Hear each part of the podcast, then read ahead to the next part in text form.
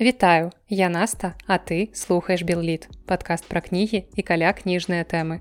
Ну вось нарэшце мы з вами аказаліся сам насам і я трошки хвалююся Мне здаецца што гэта нібыта адбываецца са мной упершыню Хаця колькі я ўжо 73 выпускі запісала вядома ж ужо развучыцца рабіць падкасты наўрад ці атрымаецца тому што гэта як навучыцца катацца на ровары. Калі ты ўжо аднойчы навучыўся гэта рабіць то ніколі не забудзеш як это але трошки губляецца навык. Ну як бы нічога з гэтым не паробіш будзем навык аднаўляць. Усё прыходзіць з досведам з практыкай напрацоўваецца таму я спадзяюся што далей усё будзе добра.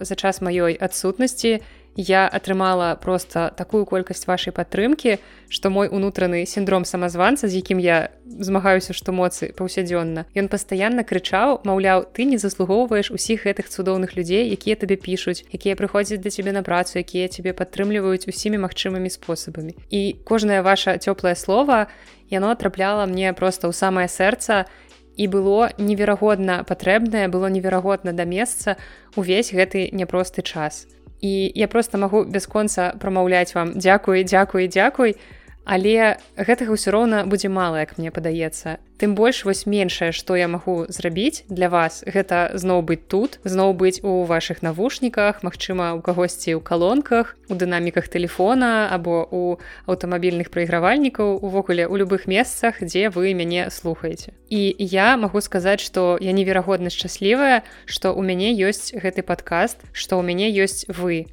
гэта велізарная моц і я ўбачыла наколькі вас шмат наколькі тое што я раблю для вас важна і няхай я не ведаю кожнага з вас паіменна але кожнага з вас я адчуваю і у кожнага з вас я бачу гэтую падтрымку.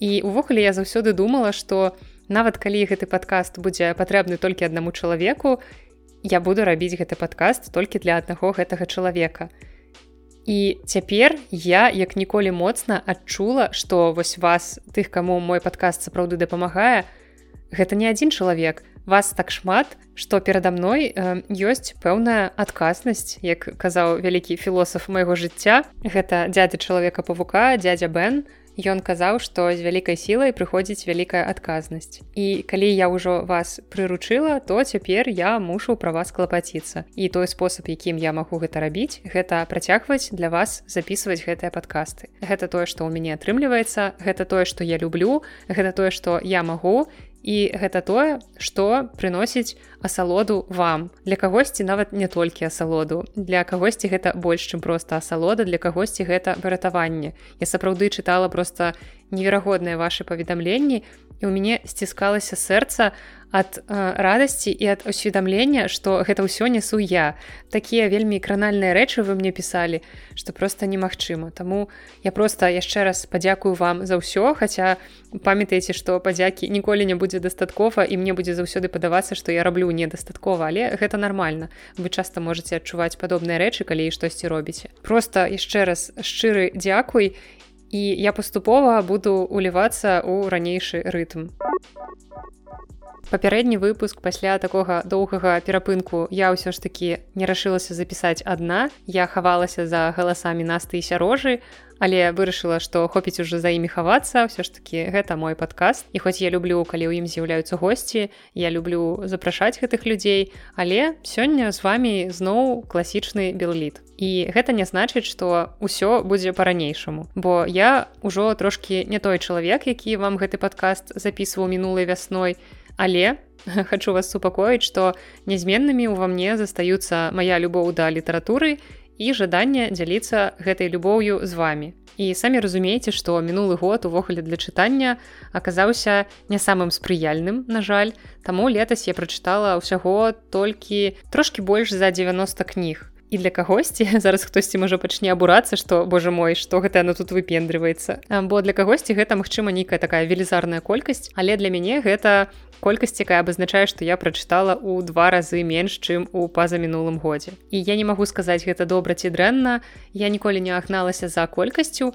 Гэта просто такі факт. Вось што сёлета я дакладней летась я прачытала вось столькі кніг і вось з часоў нашай з вами апошняй сустрэчы сам насам у мяне назапасілася ну пэўная колькасць кніг пра якія я б хацела расказаць. І таму сённяшні выпуск і наступныя некаторыя выпускі будуць пабудаваныя у фармаце такіх вынікаў года імправізаваных. І пра нейкія кнігі якія былі цудоўныя найлепшыя ў мінулым годзе я вам ужо рассказывала у мінулых выпусках у асобных але большасць кніг для вас все ж таки будзе сюрпрызам тому что я іх прачытала ўжо пасля таго як адбыўся апошні на той час э, выпуск майго подкаста Таму мае вынікі года будуць адрознівацца ад тых што я записывала раней калі вы іх чулі. і там раней я у адным выпуску рассказывала пра ўвесь топ года сярод мастацкіх твораў потым у другім выпуску я рассказывала про топ кніг сярод нон-фікшану і ў трэцім выпуску гаварыла пра дзіцячыя кнігі але вось сённяшні выпуск і ўсе наступныя і выпускі яны хутчэй будуць нагадваць мае класічныя выпускі калі я просто нібыта дзялюся апошнім прачытаным толькі з той розніцай што зараз я буду дзяліцца найлепшымі кнігамі якія я прачытала летась. Ну і ў канцы кожнага з гэтых імправізаваных выпускаў з вынікамі года я каб трохі разбавіць увесь пазітыў усе гэтыя добрыя водгукі раскажу вам пра некаторыя мастацкія творы якія мяне раззлавалі абурылі якія мне не спадабаліся катэгарычна ці да якіх я просто маю пэўныя прэтэнзіі. І я ведаю што вы вельмі любіце контент калі хтосьці бомбіць асабліва калі бамблю я. Таму выпускі дзе я злуюся на кнігі заўсёды у вас выклікаюць большы ажыятаж. Я ўсё пра вас ведаю я сама такая ж я таксама люблю калі хтосьці расказвае пра дрэнныя кнігі калі хтосьці граміць дрэнныя кнігі гэта такі варыянт забаўляльнага контенту бо не ўсё ж нам тут быць с вами высокароднымі донамі інтэлектуаламі часам трэба трошки дэградацыя пазаймацца. А гэтага я вам магу забяспечыць просто вельмі шмат. Так што звяртайцеся калі што Ну і таксама яшчэ адзін дысклеймер перад тым, як перайсці ўласна да сённяшняга выпуска. Я хачу адзначыць, што неяк так склалася, ну вельмі сумна, мне здаецца, што летась беларускай літаратуры чыталася менш і я не ведаю ці на гэта паўплывалі травеньскія падзеі ці гэта просто агулам быў нейкі такі год але я абяцаю што вось у гэтым годзе ў 23 наперадзе вас чакае процьма цікавых твораў як замежных так і беларускіх у тым ліку. Але просто каб папярэдзіць вас што згадкі пра белліт вось у наступных выпусках у сённяшнім выпуску яны будуць гучаць не так часта на жаль Ну а цяпер нарэшце пяройдзем да майго літаратурнага падсумавання 2022 года.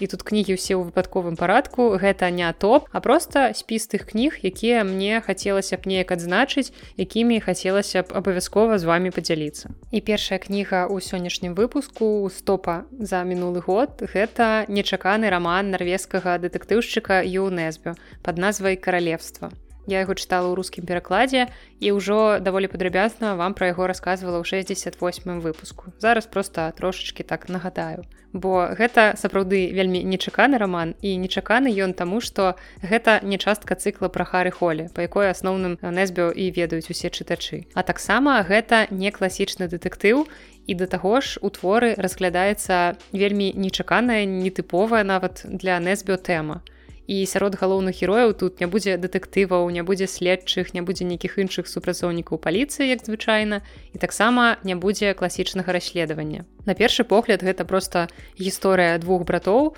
якіх аб'ядноўвае агульная таямніца. і у іх такая даволі сумная сямейная гісторыя. Яны вельмі рана засталіся без бацькоў.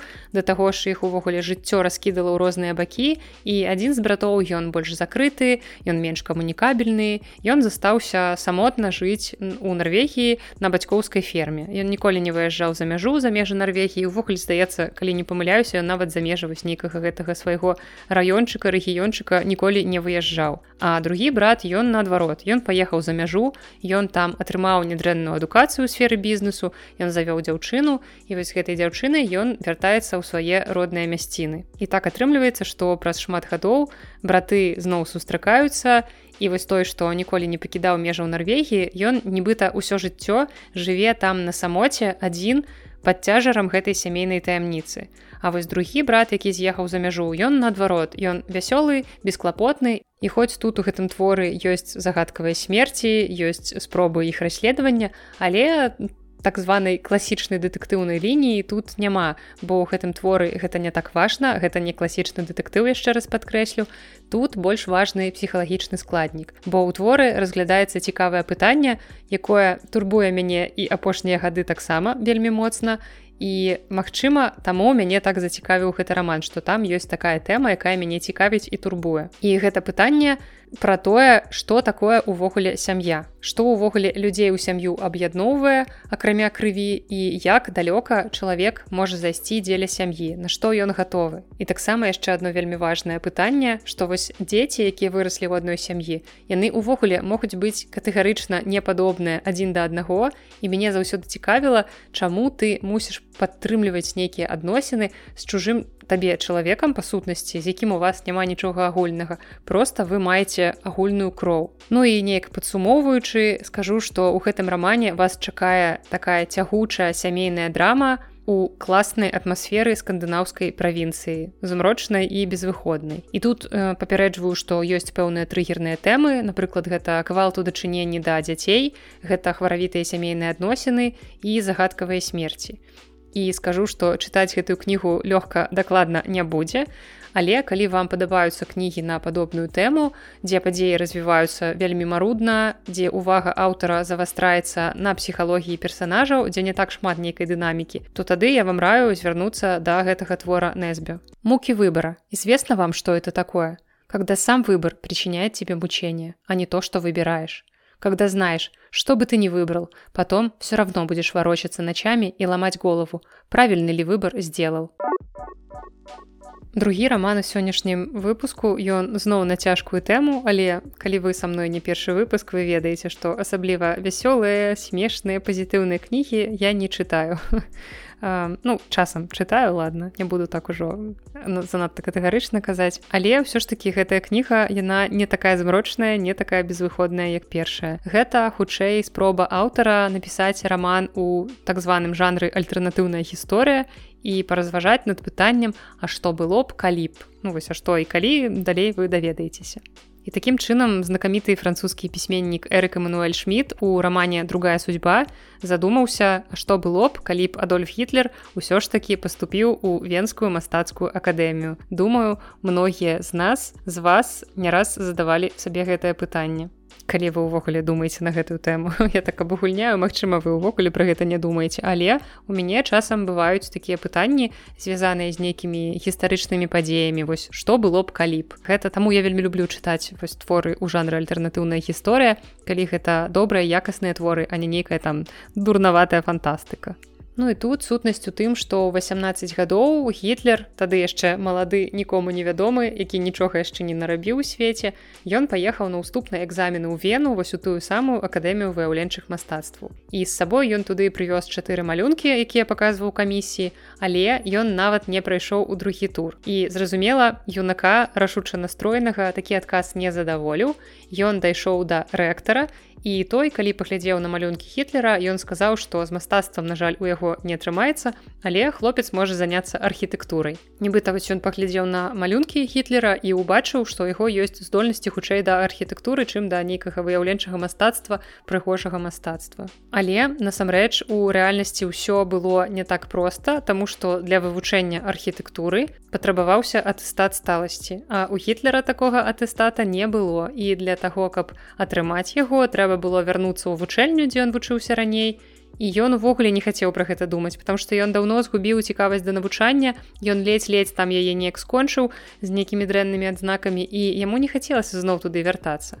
І таму у верасні 1908 года ён робіць ужо другую спробу паступіць у акадэмію выяўленчых мастацтваў. Але тут ён правальваецца ўжо ў першым туры і зразумела нічога не кажа сваім сваякам. Ён не кажа што ён праваліўся каб працягваць атрымліваць сваю сірочую пенсію. Бо рэч у тым што бацькі гітлера памерлі раней і гітлеру і яго сястры пачалі выдаваць гэту пенсію пасля таго як памерла маці. Гэта ну атрымліваецца адзіны які застаўся ягоны сваяк такі блізкі маці бацька в сэнсе. І ён пастаянна ў той час змяняў месца жыхарства ён выдаваў сябе за акадэмічнага мастака ён выдаваў сябе за пісьменніка і яму таксама пагражаў вось таму што ён не паступіў пагражаў прызыў у войска. І гэта раман складаецца з дзвюх паралельных гісторый. Мы спачатку чытаем главу з адной потым главу з другой вось яны так на працягу ўсяго твора чаргуюцца. І у адной з гэтых гісторый падзеі развіваюцца так як было ў сапраўднасці як мы ведаем з гісторыі з падручнікаў гісторыі там у мастацкай акадэміі гітлеру ўсё ж такі адмовілі першы раз адмовілі другі раз адмовілі. І эрик мануэль шміт апісвае ягоны шлях вось ад гэтай неўдалай спробы стаць мастаком да не менш неўдалай спробы захопу свету. Праўда другая няўдалая спроба мела яшчэ вельмі трагічны канец для самога гітлера але вы ўсе ведаеце нагадваць не буду. А вось у другой ужо паралельнай нерэалістычнай гісторыі некі адольф г менавіта так ён там пазначаецца без прозвішча ўсю гэтую частку ён усё ж такі трапіў у акадэмію мастака мастацтваў і шміт фантазіруе што было б калі б гітлер дакладней адольф г. крыху падарожнічаў пазнаёміўся з рознымі людзьмі змагаўся з жыццём увогуле ў цэлым з мастацтвам з адносінамі. І магчыма тады б ён не стаў бы тым разлаваным мегаламаньякам які развязаў другую сусветную вайну мы можам думаць што хутчэй бы так і адбылося. І шміт нам паказвае жыццё зусім нармальнага абсалютна звычайнага чалавека якое разгортваецца на нашых вачах. Вось гэта тое што магло б быць. Ну дакладней адна з версій паводле эрыка эмануэль шміта. І гэта вельмі прыгожая цікавая гісторыя з мноствам такіх даволі мілых і я б нават сказала кранальных момантаў. Напрыклад як адольф вельмі баіцца аголеных мадэляў. Вось ён усё ж таки паступіў гэтую акадэмію і у класе яму трэба маляваць натуршчыц. А ён баіцца ён не можа на іх глядзець. І гэта ну такі э, незвычайны кранальны эпізод з кнігі. І таксама як ён марыць і ўрэшце рэшт пераязджае ў парыж каб стаць часткай мастацкай сцэны манамартра гэта ўсё вельмі прыгожа вельмі романтычна ўзнёсла апісана жыццё такога творчага юнака які пачаў ажыццяўляць сваю мару стаць мастаком і эрик эмануэль шмидт ён настолькі по-мастацку выпісвае гэтыя абедзве часткі што яны до конца трымаюць у напружанне. Нават калі мы у прынцыпе ну ведаем чым скончыцца першая частка я не ведаю ці будзе тут спойлером сказаць про тое як хітлер застрэліўся ў сваім бункеры пасля таго як развязаў вайну і прайграў яе. Выбачаюся канешне за спойлеры. Мачыма вы яшчэ там у нейкім класе у якім яшчэ не дайшлі до гэтай часткі гісторыі тады канешне даруйце. Але у канцы рамана пададзены нататкі аўтара у якіх ён дзеліцца з намі падрабязнасцямі увогуле пра працэс напісання твора. І камусьці можа падацца што другая частка рамана напісаная з мэтай ну скажем так трошки нават абяліць неяк вось апраўдаць гэтую жахлівую гістарычную асобу. Але вось для чаго нам патрэбная гэтая частка ў канцы рамана дзе нататкі аўтара? Для таго каб шміт паказаў нам падкрэсліў што адначасова важна не дэгуманізаваць гітлера які ўсё ж таки нарабіў усё тое што нарабіў тое што мы маем. Але таксама варта не забываць што ён усё ж гэта нарабіў то бок мы не мусім уяўляць яго нейкай жахлівай пачварай але пры гэтым мы мусім не забываць што ўсё ж такі ён зрабіў шмат гэтых жахлівых дзеянняў што ён вызваліў цемру са сваёй душы нават нейкіх вось гэтых унутраных дэманаў. Але ж рэч у тым падкрэслівае гэта шміт што гэтая цемра і гэтыя дэманы яны могуць хавацца ўнутры кожнага з нас. І далей ужо ўсё залежыць выключна ад таго які выбар мы робім. Такім чынам не трэба цалкам ператвараць гітлера ў нейкую пачвару бо ён усё ж такі чалавек але просто чалавек які у пэўнай сітуацыі зрабіў не той выбор Шміт увогуле піша, што патэнцыял стаць гітлерам ёсць у кожным чалавеку, як бы гэта не гучала. І розніца паміж адольфам гітлерам вось той рэальнай гістарычнай асобай, якую мы ведаем і адольфам г героем альтэрнатыўнай гісторыі шміта. Яна акурат у тым, што апошні то бок адольф г ён прызнаў сваю цемру і працаваў над сабой. І шміт адзначае: чалавека делают выбор і абстаятельства. Никто не властен над обстоятельствами, но над сваім выбором властен каждый. Такім чынам гэта адначасова і гістарычны раман, таму што мы бачым усё ж такі ў першай частцы сапраўдную гісторыю, няхай трошкі білетрызаваную. І таксама гэта дасціпны твор спекулятыўнай фантастыкі ці альтэрнатыўнай гісторыі, у якой магчымыя ўвогуле любыя умоўнасці, любыя дапушчэнні, любыя сюжэтныя павароты, нават калі яны звязаны з рэальнай гісторыяй. І я раю гэтую кнігу чытаць усім, хто увогуле цікавіцца гэтым гістарычным перыядам, хто любіць альтэрнатыўную гісторыю і хто таксама як як я любіць паразважаць на тэмы а што калі асабліва калі гэта звязана з нейкімі вядомымі гістарычнымі падзеямі. Вось таксама я вам магу параіць кнігу стывена кінга 112263 гэта выдатны твор пра тое як настаўнік збіраецца вярнуцца ў мінулае каб прадухіліць забойства кеннедзі і ён пракручвае шмат разоў гэты сцэнарый. І таксама яшчэ адна цудоўная кніга якую я вельмі хачу перачытаць. Гэта роман філіпа рота загавар проціў Амерікі і гэта таксама альтэрнатыўная гісторыя гісторыя пра тое як прэзідэнтам ЗША ў сорокавым годзе стаў не франклін дэлана рузвельт а чарльз лінберг які вельмі спачуваў нацыстам і такім чынам да улады ў ЗША прыйшлі нацысты. Невялікае такое гістарычнае дапушчэнне Ошибка, которую совершают с Гитлером, происходит из того, что его принимают за человека исключительного, незаурядное чудовище, несравненного варвара. А между тем он человек банальный. Банальный, как зло. Банальный, как ты и я. Это мог бы быть ты. Это мог бы быть я. И как знать, не окажемся ли мы завтра на его месте, ты или я? Кто может считать себя надежно защищенным? Защищенным от ложного суждения, от упрощенчества, от упрямства или от зла, причиненного во имя того, что считают добром. Я ўжо ў пачатку згадала, што беларускай літаратуры тут будзе не так і шмат. І трэцяя кніга ў маёй падборцы у маім топе найлепшага прачытанага летась гэта Васіль быкаў і яго раман знак бяды. Я тут не буду спыняцца падрабязна на гэтым творы, бо ў 69 выпуску падкаста я шмат хвілінаў разважала пра гэты твор, Таму я проста раю вам паслухаць і нагадаю, што калі вы раптам прапусцілі ў школьнай праграме гэты раман, то ніколі не позна яго прачытаць. Ці нават перачытаць калі вы ўсё ж таки апошні раз чыталі яго ў школе і далей не перачытвалі.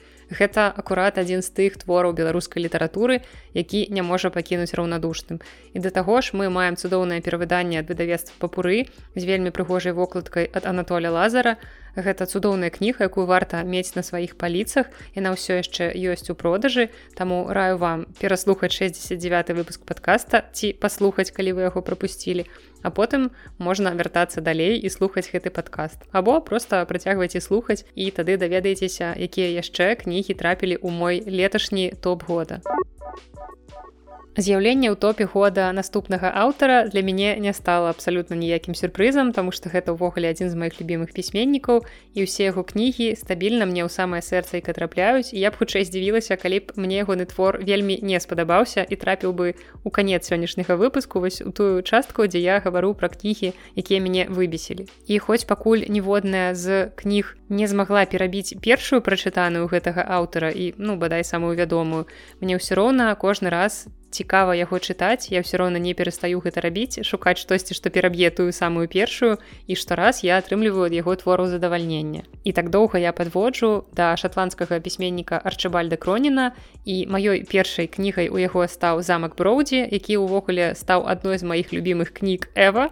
Ну а летась у топ года трапіў раман на адну з маіх любімых тэм медыцынская тэма і роман называется цытадель і тут просто сышлося комба адзін з моих любимых пісьменнікаў адна з моих любимых тэм у літаратуры і не толькі і таму гэты твор просто ну не мог мне не спадабацца на першы погляд гэта такая тыповая гісторыя таго як наши мары разбіваюцца аб суровую рэальнасць. У нас ёсць такі малады доктар ідэаліст эндрю мэнсон які свой прафесійны медыцынскі шлях пачынае з невялікіх шахсёрскіх мястэчак у далінах паўднёвага уэльса. І зразумела что у такім месцы людзі хварэюць шмат бо у іх не самыя лепшыя умовы жыцця і працы. І разам з тым яны таксама не могуць і плаціць за лячэнне шмат зноў жа ў сувязі з папярэднімі прычынамі Таму што не так і шмат яны на гэтай цяжкай працы зарабляюць. І эндру вельмі натхнёна паколькі ён яшчэ малады і зялёны без досведу ён вельмі натхнёна пачынае гэтую сваю ну можна сказаць у пэўнай ступені альтруістычную працу. І вось мне вельмі хочацца адзначыць што роман выйшаў 1937 годзе. Ён выйшаў за 11 гадоў до таго як як у Великабрытаніі была створаная нацыянальная служба аховы здароўя, якая і тады мела шмат праблемаў у тыя часы, калі была створаная. І цяпер на яе вельмі наракаюць сучасныя лекары. Паколькі я чытаю даволі шмат сучаснага медыцынскага нон-фікшана, у тым ліку напісанага брытанскімі лекарамі, брытанскімі аўтарамі. Я гэта ўжо вельмі добра ведаю, даволі добра ў ёй разбіраюся. Вось я вам горача рэкамендую нон-фікшн брытанскага ўрача Адама Кея. Кніга называется будет больно. Ён там расказвае пра асаблівасці сваёй працы гінеколагам і пра усе гэтыя недасканаласці функцыянавання брытанскай сістэмы аховы здароўя. Я падрабязна рассказывала пра кнігу ў 51 выпуску. Абавязкова паслухаць я вельмі раю чытаць вам гэтую кнігу бо яна адначасова і неверагодна смешная бо адам пра сваю працу расказвае з выдатным пачуццём гумару. Ён дарэчы ўсё ж таки звольніўся з працы ён перастаў быць лекарам ён стаў сцэнарыстам ён даецца нават у стандапах выступаў. Ну карацей ён пайшоў по тым шляху якім можна сказаць быў яго прызваннем бо ён добра умее пісаць сапраўды добра умее расказваць пра нейкія рэчы. І ён гэта ўсё робіць не толькі з гумарам але і завастраючы нашу увагу на таких непрыемных Мачыма тых момантах гэтай працы вось аховы сістэмы аховы здароўя на якой не ўсе завастраюць увагу тому что ну неяк не прынята а ён згадвае гэта. Напрыклад ён згадвае тое як часта урачы канчаюць жыццё самагубствам.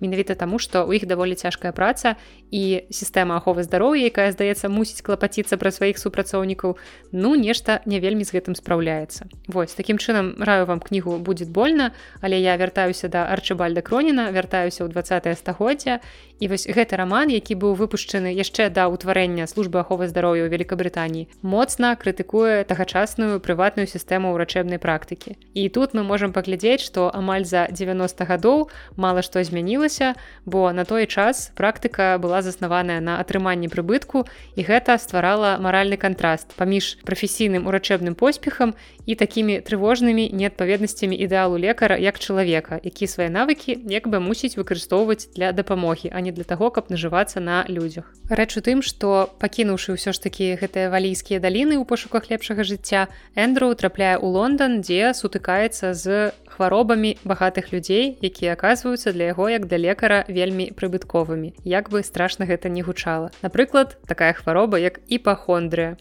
Я думаю што усе вы ведаеце гэтае слово і вядома што гэтая хвароба выдатна лечыцца з дапамогай раздзьмутых рахункаў і шарлатанскіх метадаў лячэння чым актыўна ў тыя часы карысталіся лекары. Чаму я кажу ў тыя часы мне падаецца што і цяпер актыўна лекары на гэтым паразітуюць бо чаго толькі не зробіш каб супакоіць пацыентаў асабліва калі ў гэтых пацыентаў усё нармальна з грашыма. І вось у наш час мы можемм назіраць нешта падобнае калі лекары нават у звычайных нейкіх дзяржаўных медыцынскіх установах у бальніцах у паліклініках яны выпісваюць пацыентам ну абсалютна бессэнсоўныя лекі так званыя фуфламіцыны выключна для супакаення пацыентаў. Таму что ну як жа гэта так ты прыйшоў паліклініку у цябе прастуда а тэрапеўт табе кажа што просто паляжыце дома і піце чай з малінавым варэннем. І сама прастуда за тыдзень пройдзе ўсё з вами будзе добра бо насамрэч заўсёды яно так і ёсць. І пацыент думае типа что гэта за спецыяліст такі? Что это он мне такое параю? А, а як ён мяне лячыць будзе і за што ён грошы ўвогуле свае атрымлівае? Что это за парады нейкія бессэнсоўныя і такі вось пацыент ідзе скардзіцца да галоўнага ўрача. І вось менавіта каб такога не адбылося нашыя ўрачы часам вымушаныя прапісваць вось гэтыя так званыя фуфламіцыны або прэпараты без даказанай эфектыўнасці. І лепш гэтыя прэпараты ну дакладна не зробіць як гэты жарт про тое што з лячэннем хвароба праходзіць за тыдзень а без лячэння за 7 дзён. Вось прыкладна так і працуюць гэтыя фуфламіцыны. Хіба што можа спрацаваць эфект плацеба або нейкая пазітыўная псіхасаматыка калі чалавек будзе ўпэўнены што яму прапісалі добрыя лекі значыць ён паправіцца ну і сапраўды яму можа трошки стаць лепш але галоўнае што шкоды ад гэтых прэпаратаў таксама не будзе таму прапісваць іх не страшна але як мне падаецца ўсё ж такі у такім выпадку нават не ў зараблянні грошай справа але вось кронін апісвае акурат тыя гісторыі у якіх заможныя людзі ад няма чаго рабіць у тыя часы знаходзілі сабе ўсё новыя новыя нейкія хваробы а лекары ў гэтым іх толькі падтрымлівалі зразумела для таго каб пабольш зарабіць Дарэчы, у рамане прысутнічаюць элементы аўтабіяграфізму, паколькі сам кронін быў урачом, ён атрымаў ступень доктара медыцыны, ён ва ўніверсітэце Глазга абараніў дысертацыю пра анеўрызмы. Так што цытадэль можна нават трошкі назваць так званым вытворчым раманам, бо кронін медыцынскую справу вельмі добра ведае і вельмі добра і падрабязна яе апісвае ў рамане. Пра тое, як функцыянавалі тады прыватныя лекарскія практыкі. Ну і такім чынам мы бачым, што шлях героя таксама паўтарае шлях аўтара, ад вось гэтай невялічкай прыват прыватнай практыкі ў шахцёрскім мястэчку ў паўднёвым уэльсе да ўласнай практыкі ўрачэбнай у лондоне якая сапраўды квітнела была даволі вядомай і папулярнай. І досвед аўтара дапамог у напісанні рамана і вось гэтая ўся праўдзівасць якая звычайна даволі добра чытаецца ў кнігах. Мы звычайна мне здаецца ўсё ж таки адчуваем калі роман створаны неяк штучна калі чалавек піша пра тое у чым не разбіраецца і да чаго ў яго не ляжыць душа і вядома што не заўсёды ты будзеш пісаць творы пра тое пра што ты ведаеш. Напрыклад фантастычныя раманы вельмі складана так пісаць. Але аўтар мусіць быць захоплены тым пра што ён піша мусіць добра ў гэтым разбірацца. Хаця б на ўзроўні тэарэтычным не абавязкова практычным не абавязкова лётаць у космас каб напісаць пра космас нейкую космооперу. Ну і такім чынам такі досвед аўтара ён мне здаецца паспрыяў папулярнасці кнігі яна была папулярная ў тыя часы калі выйшла і папулярная актуальная дагэтуль. Таму я б гэту кнігу раіла усім хто толькі плануе звязаць сваё жыццё з медыцынай або тым хто ўжо на гэтым шляху хто ўжо вучыцца ў медыцынскім ці хто толькі пачаў нейкую сваю ўрачэбную практыку. Бо тут вельмі шмат у гэтым творы ці цікавых думак пра медыцыну якія не губляюць актуальнасці ў наш час. На жаль все ж таки на жаль. Ну і таксама мне падаецца што гэтая кніга прыйдзецца даспадобы ўсім людзям якія ўвогуле з медыцынай ніяк не звязаныя так же як і я. Але і калі вас цікавіць вось такі сюжэт руйнавання мараў сюжэт жадання дзейнічаць згодна са сваімі нейкімі маральнымі установкамі насуперак усяму свету то я вам горача рэкамендую гэтую кнігу По всей стране имеются тысячи никуда негодных врачей, которые замечательны лишь своим полнейшим невежеством, да благоприобретенной способностью водить за нас пациентов. Усё мне здаецца што мы трошки разабраліся з нейкай э, сумнай сур'ёзнай цяжкай літаратурай і цяпер я вам прапаную збегчы у сусвет фантастыкі я пачну з невялічкага лірычнага адхілення бо рэч у тым што я ўжо даволі даўно стараюся пабольш чытаць на мове арыгіналу калі валодаю в прынцыпе гэтай мовай. І у асноўным гэта бывае па-польску па-украінску і па-ангельску. І вось сваім чытаннем на ангельскай мове я зразумела ганаруся найбольш паколькі для мяне гэта цяжэй чым чытаць на астатніх мовах на польскай на украінскай. Все ж таки нам славянам гэта прасцей і вось летась у мяне была невялічкая перамога над сабой калі я прачытала ў арыгінале мала таго што такую даволі аб'ёмную кнігу так яшчэ і фантастычную у якой даволі вялікая колькасць нейкай складанай лексікі як звычайна гэта бывае ў фантастыцы. І я сёння вам раскажу пра твор які яшчэ нядаўна просто паўсюль з кожнага праса грымеў таму што была экранізацыя дэні вільнёва і вось зараз мне здаецца ўжо гэты ажыятаж крыху прасыпаўся як пясок скрозь пальцы. Просто я майстрыня метафор уже раблю столькі тоўстых намёкаў што усе магчыма ўжо здагадаліся даўно пра якую кнігу я вам далей раскажу. І не буду цягнуць інтрыгу бессэнсоўную. Гэта легендарная дзюна фрэнка герберта. І рэч у тым што ў дзяцінстве я чытала даволі шмат фантастыкі. І так склалася што цяпер я ўжо нават не памятаю што менавіта я чытала таму мне даводзіцца многае перачытваць. Ну як бы не тое каб я сумую моцна з гэтай нагоды. І вось наконт дзюны у мяне ўвогуле няма нейкіх пэўных успамінаў. Я дакладна памятаю што я гуляла ў дзюну на камп'ютары. Не на сваім а на камп'ютары маёй сяброўкі. Мне здаецца што я сябравала з ёй толькі дзеля таго каб пагуляць у яе камп'ютар. Гэта гучыць вельмі страшна але такія былі часы цяжкія мы выжывалі як маглі ў 90е восьось ці можа уже гэта былі двухтысячныя ну здаецца такі нейкі пераход паміж 90-мі і двухтысячнымі. І зараз калі я чытала гэты твор у мяне падчас чытання ўзнікаў нейкі такі пэўны элемент пазнавання. Але я не разумела ці то я пазнаю гэты твор ад таго што паўсюль натыкаюся на інфармацыю пра фільм пра экранізацыю ці то ад таго што ў мяне абуджаюцца дзіцячыя ўспаміны пра кнігу якую я нібыта чытала. І у любым выпадку кнігу я прачытала прачытала у арыгінале ці перачытала не ведаю і ні кроплі пра гэта не шкадую тому што гэта просто топ сусветнай фантастыкі як кажуць пра сяомі топ за свае грошы. І пастараюся вам кораценька акрэсліць сюжэт што у дачыненні да дзюны гучыць амаль што немагчыма але я паспрабую калі ў мяне гэта атрымаецца то я маладзец. І падзеі гэтага рамана разгортваюцца ў тэхналагічна развітым свеце будучыні у якім пасля вайны паміж людзьмі і машынамі былі знішчаныя ўсе камп'ютары а таксама быў прыняты ўказ які абвяшчаў не стварайце машыну паводле падабенства да чалавечага розуму і паколькі камп'ютараў не існуе мы бачым што галактыка па-ранейшаму жыве ў нейкім сярэднявечным феадальным рэжыме Месца камп'ютараў у іх занялі людзі са звыш чалавечымі аналітычнымі здольнасцямі і вось такіх людзей называюць ментаты. Таксама з іншага боку у нас ёсць яшчэ Бэны гесерит. Гэта старажытная школа разумовай фізічнай падрыхтоўкі для студэнтак, якая дае дзяўчатам такія звыш чалавечыя інтуітыўныя здольнасці. І канчатковым прадуктам гэтай селекцыйнай праграмы з'яўляецца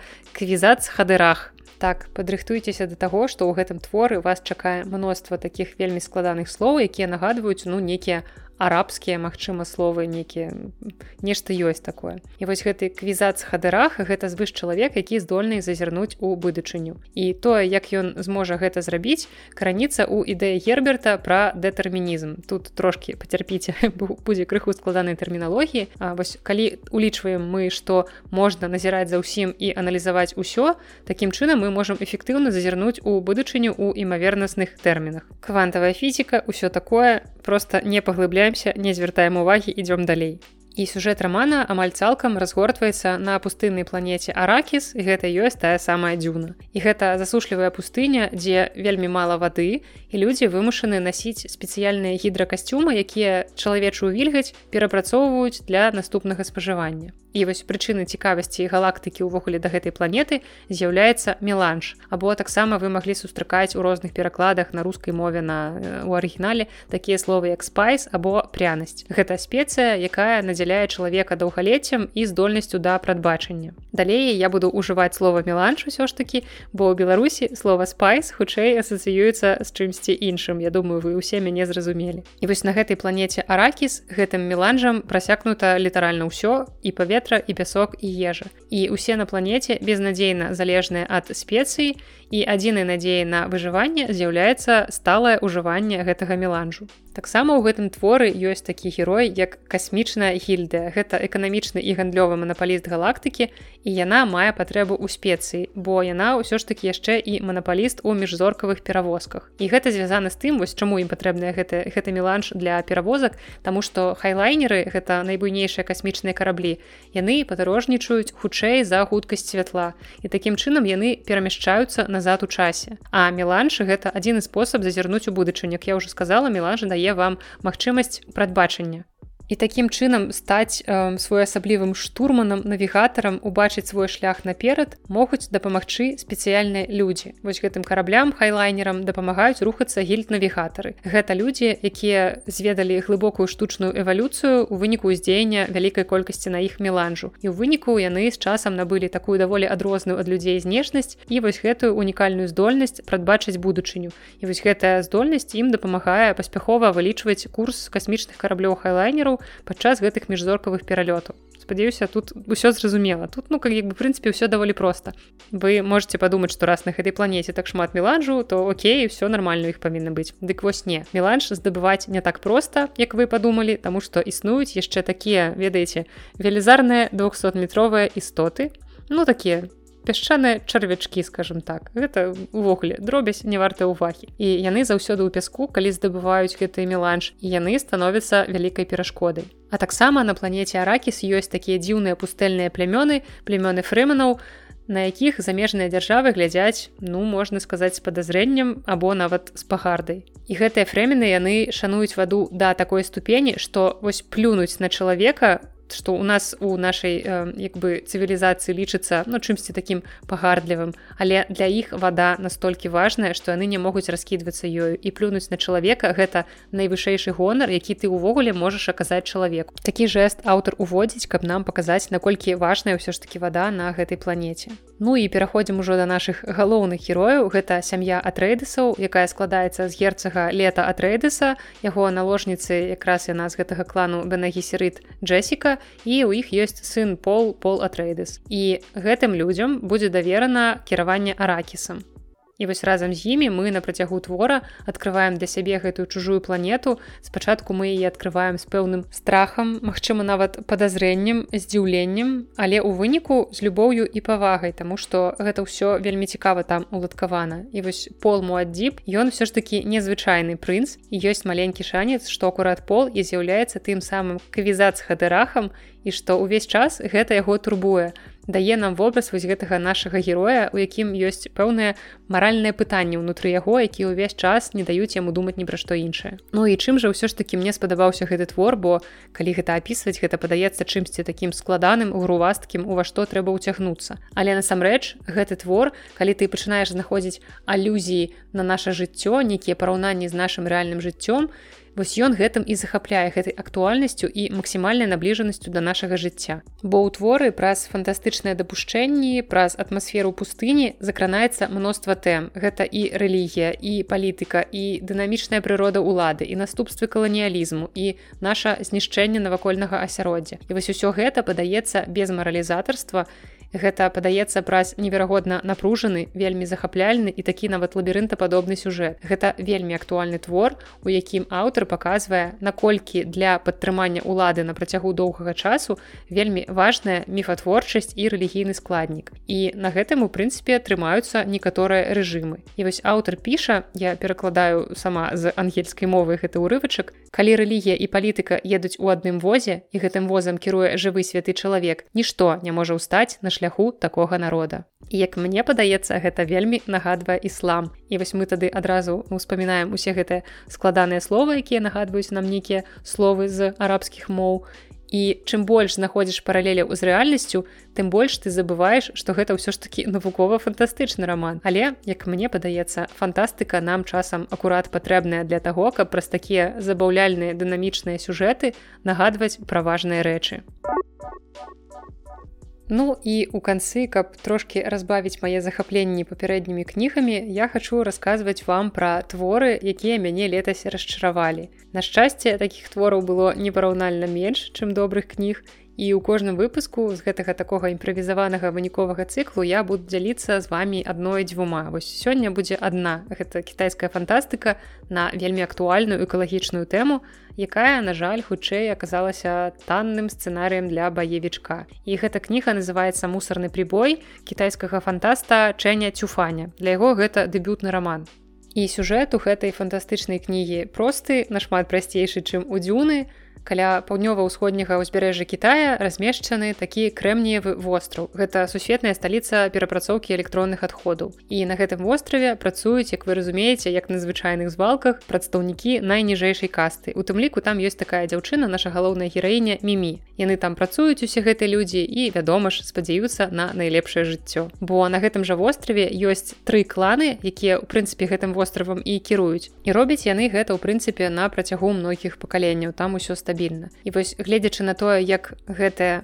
кланы нажываюцца на працы найніжэйшай касты мімі наша гераіня таксама хоча атрымаць крышачку з гэтых выгодаў. Ну а людзей завабліваюць на гэты востраў асабліва працоўных мігрантаў бо працы сапраўды шмат. Ну і тут усё як у жыцці. Але ж умовы як вы разумееце на такой працы не самыя салодкія. І паводле логікі яшчэ раз падкрэсліваю то што тут усё як у жыцці то Дык вось паводле логікі такога жанру паміж багатымі і беднымі пэўны час мусіць усё ж такі разгарэцца нейкі канфлікт. І зраблю трошкі лірычнае адхіленне, сёння я такая шчодрая на лірычнае адхіленні. Дык вось акурат некалькі дзён таму я дачытала нон-фікшн кнігу якая называется планета свалак вось калі я скончу дзяліцца найлепшымі кнігамі мінулага года калі я перайду да сваіх стандартных выпускаў з апошнім прачытаным я там ужо пра гэта нон-фікшн вам раскажу больш падрабязна тому что кніга хоць і не спадабалася мне цалкам але аказалася даволі цікавай. А пакуль я просто падзялюся сувязю якую я знайшла паміж гэтымі кнігамі якія чытала ну даволі далёка адну ад адной бо рэч у тым што ў кнізе планета свалак аўтар у асноўным расказвае пра перапрацоўку металаў. І калі я ўзяла гэтую кнігу ў бібліятэцы я вельмі спадзявалася пачытаць пра смецце наогул Таму што там ёсць падзагаловак путешествия па многамільярднай індустрыі мусара. Ну я спадзявалася, што там будзе расказанае пра рознае смецце. Але гэты падзагаловак аказаўся трошкі падманам, бо аўтар у асноўным там звяртае ўвагу толькі на метал. Там трошкі ён зусім па верхах праходзіцца па тэме макулатуры, па тэме пластыку, Але асноўнае, што яго цікавіць, гэта метал. І вось у кнізе ён расказвае пра гуюй. Гэта невялічкі кітайскі горад у правінцыі Гуандун на ўзбярэжжы паўднёва-кітайскага мора. І да 2013 года гэты горад утрымліваў рэкорд па колькасці найбуйнейшых месцаў прыёму электронных адходаў. Гэта такая сталіца. Сталіца электроннага смецця можна сказаць. падзея вось гэтай кнігі якую я вам тут зараз не хвалю мусорны прибой яны разгортваюцца на крэмневай выспе і гэтае слово записывается іерогліфамі якія сугучныя за іерогліфамі якія пазначаюць горад гуюй гэтую самую сталіцу электронных адходаў. І сам аўтар кнігі дарэчы нарадзіўся і вырас побач з гэтымі рэальнымі мясцінамі. І таксама чым яшчэ славіцца гэты горад гуюй у сувязі якраз з той самай звалкай электронных адходаў тым што пэўны час ён быў адным самых брудных гарадоў на планеце і хоць некаторыя мясцовыя жыхары разбагацелі на перапрацоўцы гэтай электронікі але ўсё ж такі забруджванне навакольнага асяроддзя ў горадзе стала вельмі сур'ёзным і гэта выклікала і выклікае дагэтуль вялікія праблемы са здароўем у людзей напрыклад ну а гэта мне падаецца самае важное Ну як бачыце гэта просто неверагодна цікавая тэма паколькі мы прывыклі да таго што ў пытаннях экалогіі калі яны падым уздымаюцца недзе ў сМ або ў кнігах часцей за ўсё гавораць пра змены клімату пра глобальнае пацяпленне пра выміранне жывёлу пра нейкія забруджванні нафтай пра штосьці такое. А вось гэты твор ён закранае пытанне электронных адходаў якіх дзякуючы нашаму тэхналагічнаму прагрэсу на жаль становіцца ўсё больш. Таму што многім хочацца мець апошнюю мадэль айфона. І нават калі ў іх папярэдні папярэдняя мадэль яшчэ цалкам добра працуе але ўсё роўна мода нікуды тут не падзенешся. І цяпер мы ўсё часцей на жаль выкідаем тэхніку не таму што яна сапраўды перастала працаваць ці не задавальняе там нейкія нашы патрэбы а таму што тэхніка перастала быць моднай. Зараз паводжу сябе як нейкая бабка якая тут маралізатарствы на лаўцы про тое што ух гэтая моладзь нічога святога у іх няма тэлефоны мяняюць як пальчаткі. Але самі кампаніі якія робяць гэтую тэхніку яны робяць усё каб мы імкнуліся за навінкамі. Яны там напрыклад перастаюць падтрымліваць тэлефоны з нейкімі састарэлымі версіямі аперацыйных сістэм. Просто перастаю дасылаць на іх абнаўленні. І ўсё твой телефон ператвараецца ў такі кавалак ну даволі бессэнсоўнага пластыку па якім можна толькі тэлефанаваць. Добра дзякую што хаця б гэтую магчымасць вы нам захавалі. І вось пра разумнае спажыванне гэтай самай тэхнікі аўтар нам спрабуе расказаць гэтая кніга ну трошки дапамагае про гэта падумаць. Асноўныя тэмы якія тут увогуле закранаюцца гэта класавыя адрозненні праз якія некаторыя людзі жывуць ва ўмовах паўрабства. Таксама тут ёсць тэма празмернай улады транснацыянальных карпорацый жорсткі эксперыменты над жывёламі празмернае спажыванне і гэтак далей. Шмат як вы бачыце сур'ёзных вельмі актуальных тэм. Але на жаль для раскрыцця таких сур'ёзных тэм аўтару не хапіла таленту і не хапіла досведу. Гэта тыповая памылка навічка калі аўтар аўтар гісторыю не паказвае а расказвае ён карацей вось усю самую цікавую працу якая мусіць адбывацца ў нас у галаве ён робіць за нас. Нібыта мы для яго недастаткова разумныя каб усё гэта ўявіць самастойна. У гэтай кнізе дастаткова экшану але як я ўжо ў пачатку адзначыла што гэта хутчэй такія накіды да сцэнарыя таннага баевічка Ну і тут ёсць такія праблемкі з запісаннем мясцовага кітайскага каларыту нават нягледзячы на тое што твор напісаны кітайцам але гэта выглядае так нібыта нейкі еўрапеец вырашыў скласці турыстычны дапаможнік па Кітаі вось такія апісанні Кітаю у яго даволі такія шаблонныя. Таксама праблема гэтага твора ў тым што ў яго вельмі стэеатыпныя персанажы. Тут ёсць няшчасная галоўная гераіня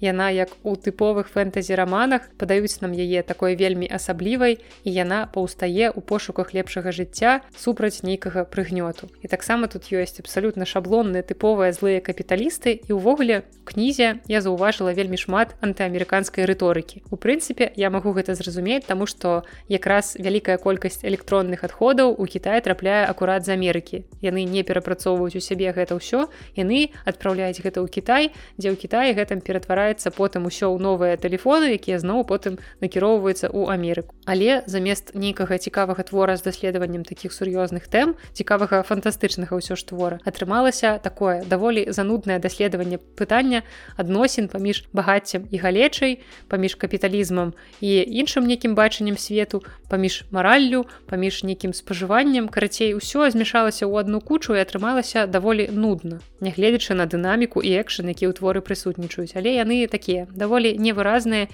і не вельмі таленавіта выпісаныя плюс тут ёсць вялікія праблемы з перакладам я на жаль кітайскай мовай не валодаю таму давялося чытаць гэты твор у рускім перакладзе і тут ці гэта перакладчык налажаў ці рэдактар не даглядзеў вось як быў кітайскі арыгінал я не магу зірнуць але ўсё ж таки нейкае ёсць адчуванне што у рускім выданні не было рэдактара бо часам сустракаюцца такія даволі вялікія касякі. І увогуле тут мусіла быць на месцы гэтай кнігі вельмі цікавая актуальна антыутопія на класныя тэмы тэмы якія вось апошнім часам часам мяне цікавіць і так ну абсолютно выпадкова трапляюцца выскокваюць на мяне з розных месцаў але атрымалася что тут нейкі просто танны баевічок і гэта той выпадак калі цікавая і перспектыўная тэма на жаль аказалася не ў тых руках. Ты я и даже вся человеческая раса все мы паразиты На такой аптымістычнай і пазітыўнай для чалавецтва ноце я хачу закончыць сённяшні выпуск. Я спадзяюся, што вашыя чаканні апраўдаліся, што недарэмна вы столькі часу пісалі мне, запытвалі, калі ж новы выпуск ці ўвогуле будзе падкаст існаваць далей і ну як я магла вам адмовіць. Вядома ж, падкаст будзе існаваць далей, бо падкаст гэта не толькі я. Важна памятаць што падкаст белліт гэта я гэта мой ноутбук мой мікрафон моя мышка э, пакой у якім я гэта записываю і таксама што самае важное падкаст белліт гэта вы. Гэта людзі якія слухаюць яго бо без слухачоў падкаст просто не мае ніякага значэння. А калі ў яго ёсць людзі якія яго слухаюць якія яго падтрымліваюць якім ён магчыма дае нейкае супакаенне ў цяжкія часы то тады можна сказаць што гэты падкаст існуе недарэмна і што ён у прынцыпе існуе і прыносіць радасць вялікай колькасцю людзей. Вось так. Мне хочацца пафасна. Мне хочацца так скончыць гэты выпуск сённяшні Таму што для мяне гэта быў вельмі важны крок. Вельмі важны крок на тое каб рашыцца зрабіць штосьці што ты здаецца адклаў на пэўны нявызначаны час не разумеючы ці зможаш ты ўвогуле вярнуцца да гэтага ці зможаш ты зноў займацца тым што ты любіш. Таму патрошку будзем улівацца ў гэты рэжым рэжым запісу падкастаў не ведаю пакуль не магу абяцаць вам нейкай стабільнасці як было раней новы выпуск кожны панядзелак. Але прынамсі я пастараюся зрабіць усё магчымае каб гэта адбывалася як мага часцей. І вось я ўжо бачу што сённяшні выпуск у нас зацягнуўся амаль на гадзіну. Я думаю гэта будзе вам такі прыемны падарунак прыемная падзяка за ўвесь гэты час чакання за ўвесь час які вы правялі без падкаста. Дякуй усім хто застаўся са мной. Дякуй велізарны просто асобная падзяка ўсім маім патронам на патрыоне. Вы дарэчы можете таксама да яго далучыцца калі маеце такую магчымасць калі знаходзіцеся ў краіне у якой патрыон усё яшчэ працуе.